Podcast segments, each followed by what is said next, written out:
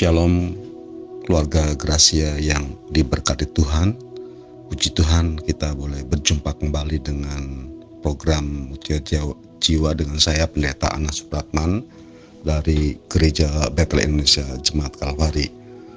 Bapak Ibu Saudara sekalian yang dikasihi Tuhan Yesus Kristus pendengar program Mutiara Jiwa.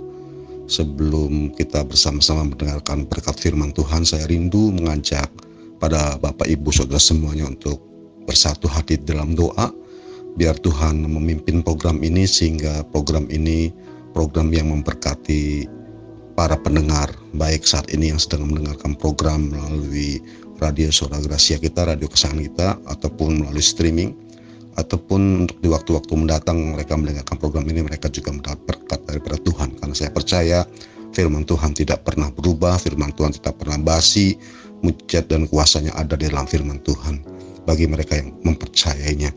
Mari kita satu di dalam doa.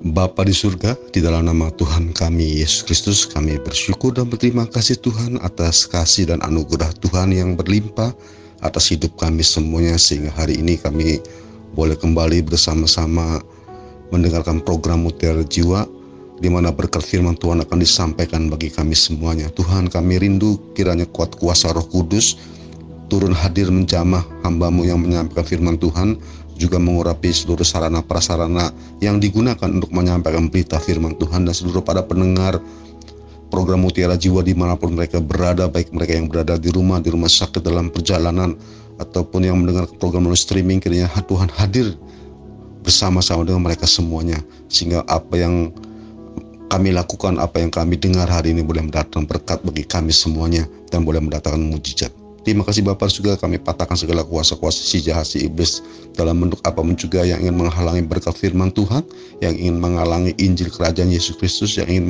menghalangi Injil keselamatan kami tolak di dalam nama Tuhan Yesus Kristus. Dan bila kuat kuasa roh kudusmu yang berkuasa, yang menaungi, yang melingkupi kami semuanya. Terpujilah namamu Tuhan kekal selama-lamanya. Di dalam nama Tuhan Yesus kami berdoa. Haleluya. Amin. Puji Tuhan suatu kehormatan dan kebanggaan kalau saya boleh kembali melayani Bapak Ibu Saudara sekalian dalam program Mutiara Jiwa dengan berkat firman Tuhan. Judul renungan yang akan saya sampaikan hari ini tentang manusia pembawa damai. Firman Tuhan di dalam 2 Korintus pasal yang ke-17 dan 18 berbunyi demikian. Di dalam 2 Korintus pasal yang kelima ayat 17 sampai dengan ayat 21 maksud saya berbunyi demikian. Jadi siapa yang ada di dalam Kristus ia adalah ciptaan baru. Yang lama sudah berlalu, sesungguhnya yang baru sudah datang. Dan semuanya ini dari Allah yang dengan perantaran Kristus telah mendamaikan kita dengan dirinya dan yang telah mempercayakan pelayanan kependamaian itu kepada kami. Saudara pendengar program Mutiara Jiwa, sesuatu hal yang kita idam-idamkan dalam hidup kita adalah kedamaian, ketentraman, ketenangan, kedamaian dalam rumah tangga, kedamaian dalam pelayanan, kedamaian dalam suasana kerja, kedamaian di lingkungan, bertetangga, kedamaian dalam bermasyarakat, juga kedamaian dalam bernegara. Sifat dasar manusia tentunya menginginkan hal demikian. Ada kedamaian, ada ketentraman, ada ketenangan. Walaupun kita harus menyadari juga bahwa hari-hari ini kita diusik, dihebohkan dengan hal-hal yang tidak membuat kita damai. Perkembangan mutasi daripada COVID-19, peperangan di negara-negara tertentu yang terus berkecambuk. Tidak sekalian, isu-isu yang tidak baik seperti tanah bodong, saudara sekalian, inflasi bodong maksud saya, atau hal-hal yang lain yang membuat kita tidak mengalami kedamaian. Saudara di dunia ini banyak hal-hal yang tidak membuat kita damai. Namun firman Tuhan mengingatkan kepada kita semuanya bahwa Alkitab mengatakan dengan jelas Dan semuanya ini dari Allah dengan perantaran Kristus telah mendamaikan kita dengan dirinya dan yang telah mempercayakan pelayanan pendamaian itu kepada kami. Saudara pendengar program Mutiara Jiwa di mana Anda berada. Dari ayat tadi, sebelum kita menjadi juru damai dengan sesama, dengan lingkungan, dengan masyarakat, maka kita seyogjanya harus didamaikan terlebih dahulu. Bukankah sering kita mendengar satu istilah sebelum kita membersihkan lantai kita dengan kain pel, sebaiknya cek terlebih dahulu kain itu. Apakah kain itu bersih atau kotor? Kalau kita mengepel lantai dengan kain yang kotor, tentu lantai itu tidak menjadi bersih ataupun bersihnya tidak maksimal. Harus menggunakan kain pel yang bersih. Saudara sering kali saya ini agak sedikit rewel juga kalau terhadap rekan, saudara, atau di rumah sendiri atau di mana pas saya hadir berkesempatan saya membersihkan rumah, membersihkan halaman, saudara, saya sangat memperhatikan kebersihan daripada yang namanya kain pel ini, saudara sekalian. Supaya apa? Ya supaya objek yang dibersihkan itu menjadi bersih. Karena kain pelnya kita bersih. Nah demikian pula dengan ilustrasi ini memberikan sebuah gambaran seperti apa yang Korintus katakan firman Tuhan mengatakan. Kita adalah orang-orang pembawa damai karena saudara dan saya telah didamaikan oleh Kristus kita sebagai manusia hidup dalam sebuah pemahaman dengan sebuah istilah bahwa kita adalah orang yang berdosa. Orang yang telah kehilangan kemuliaan Tuhan karena jatuhnya Adam dalam dosa. Kita manusia yang jauh, kita manusia yang hilang, kita manusia yang tidak bisa lagi dekat dengan Sang Pencipta karena ada kekotoran dalam diri kita. Itulah titik awal sejarah kehidupan saudara dan saya. Manusia yang berlumpur di dalam dosa, manusia yang tidak berharga, manusia yang tidak diperhitungkan karena ada dosa di dalam diri kita. Namun oleh karena anugerah keselamatan di dalam Yesus Kristus, saya dan saudara semuanya, dan bagi saudara yang mendengarkan program Mutiara Jiwa ini, bila saudara rindu, maka saudara adalah orang yang siap didamaikan. Karena apa? karena kematian Kristus di atas bukit Golgota.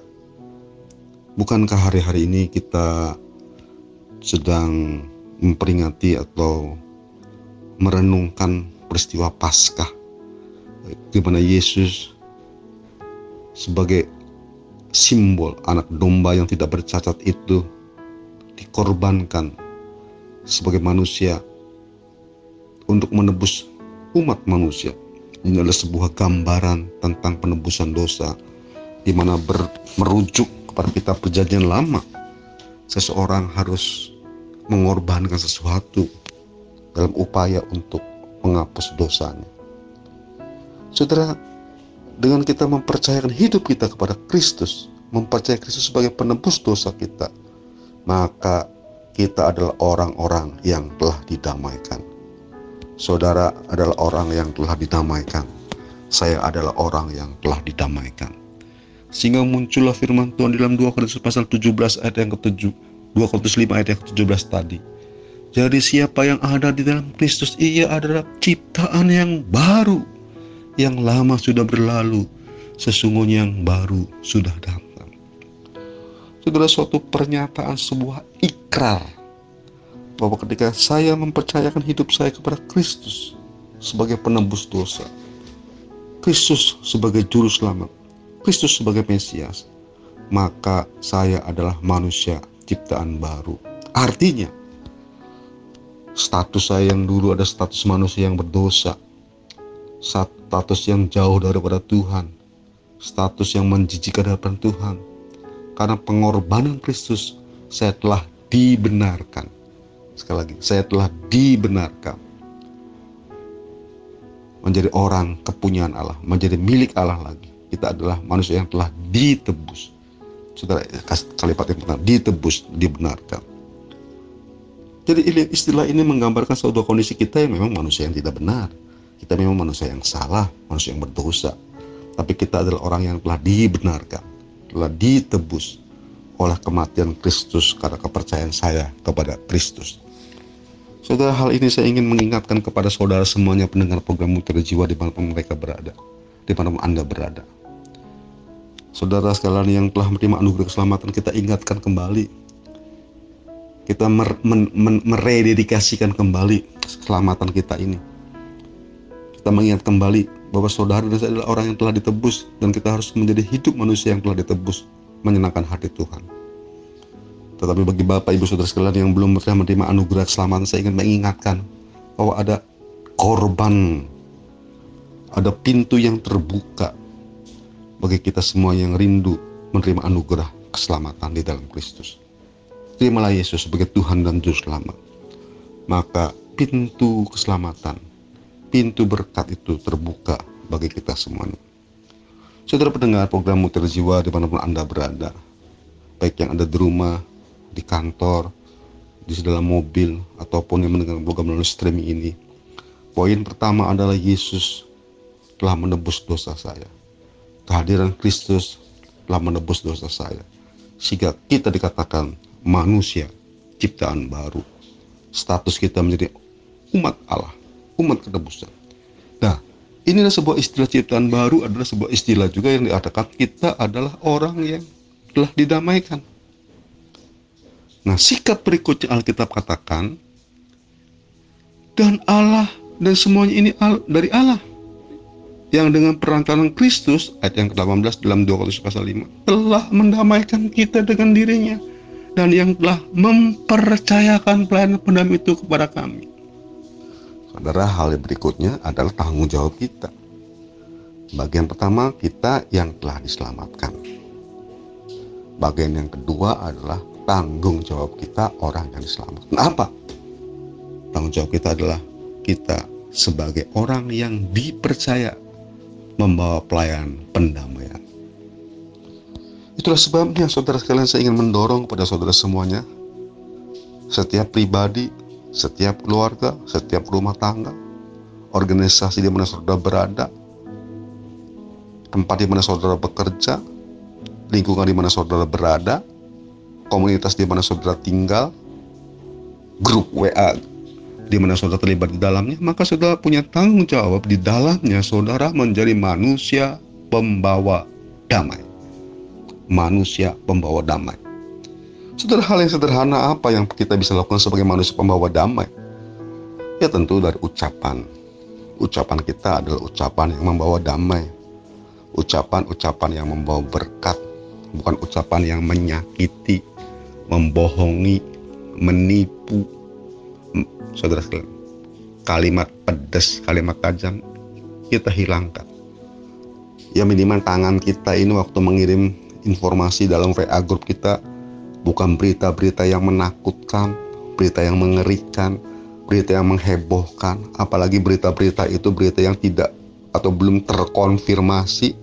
Saudara, sikap kita adalah kita menjadi manusia-manusia pembawa damai, pembawa berita damai.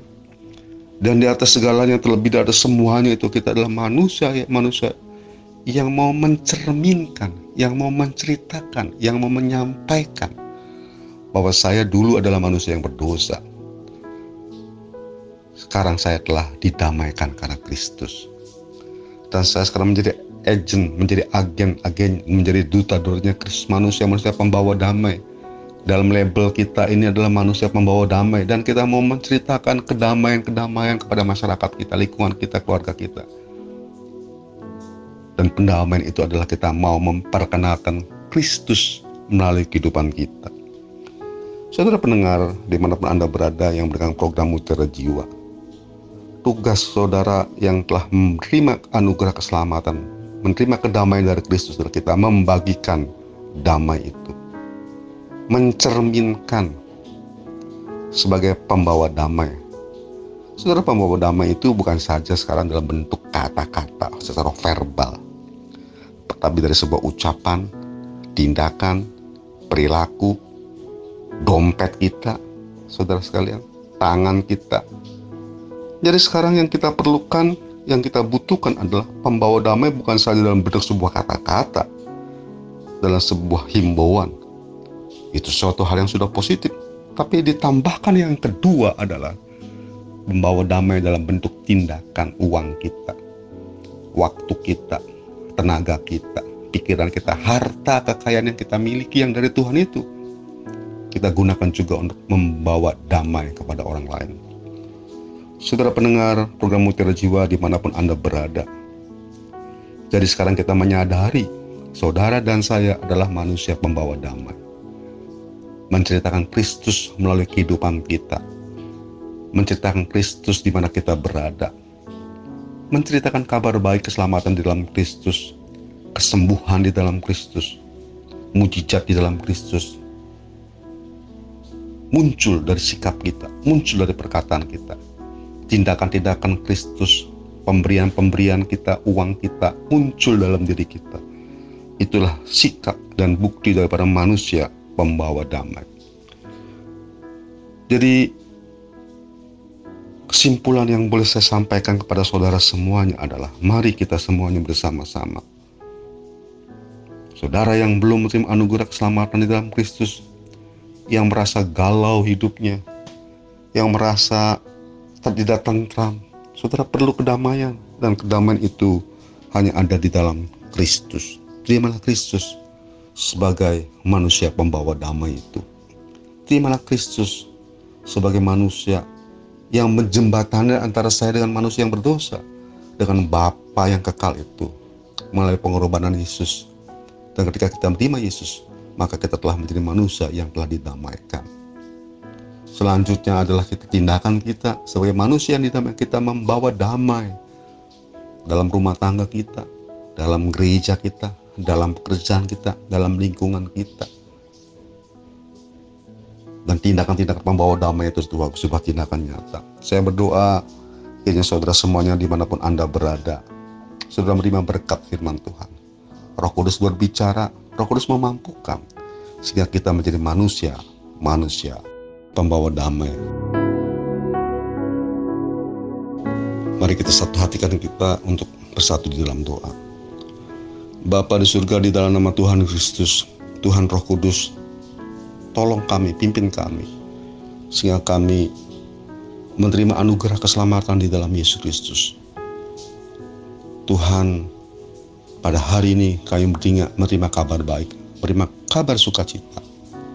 Tuhan pembawa damai, turunlah dalam hati kami yang tidak mengalami kedamaian.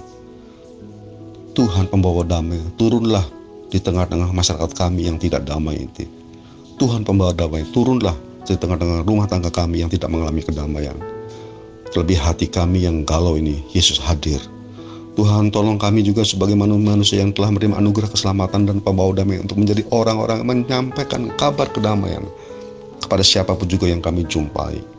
Tuhan Roh Kudus memampukan kami. Hamba berdoa kuat kuasa Roh Kudus menjangkau menjamah seluruh pendengar program Mitra Jiwa. Hamba juga berdoa Tuhan buat radio Suara Gracia kiranya Tuhan memberkati. Mencukupkan segala dana yang dibutuhkan.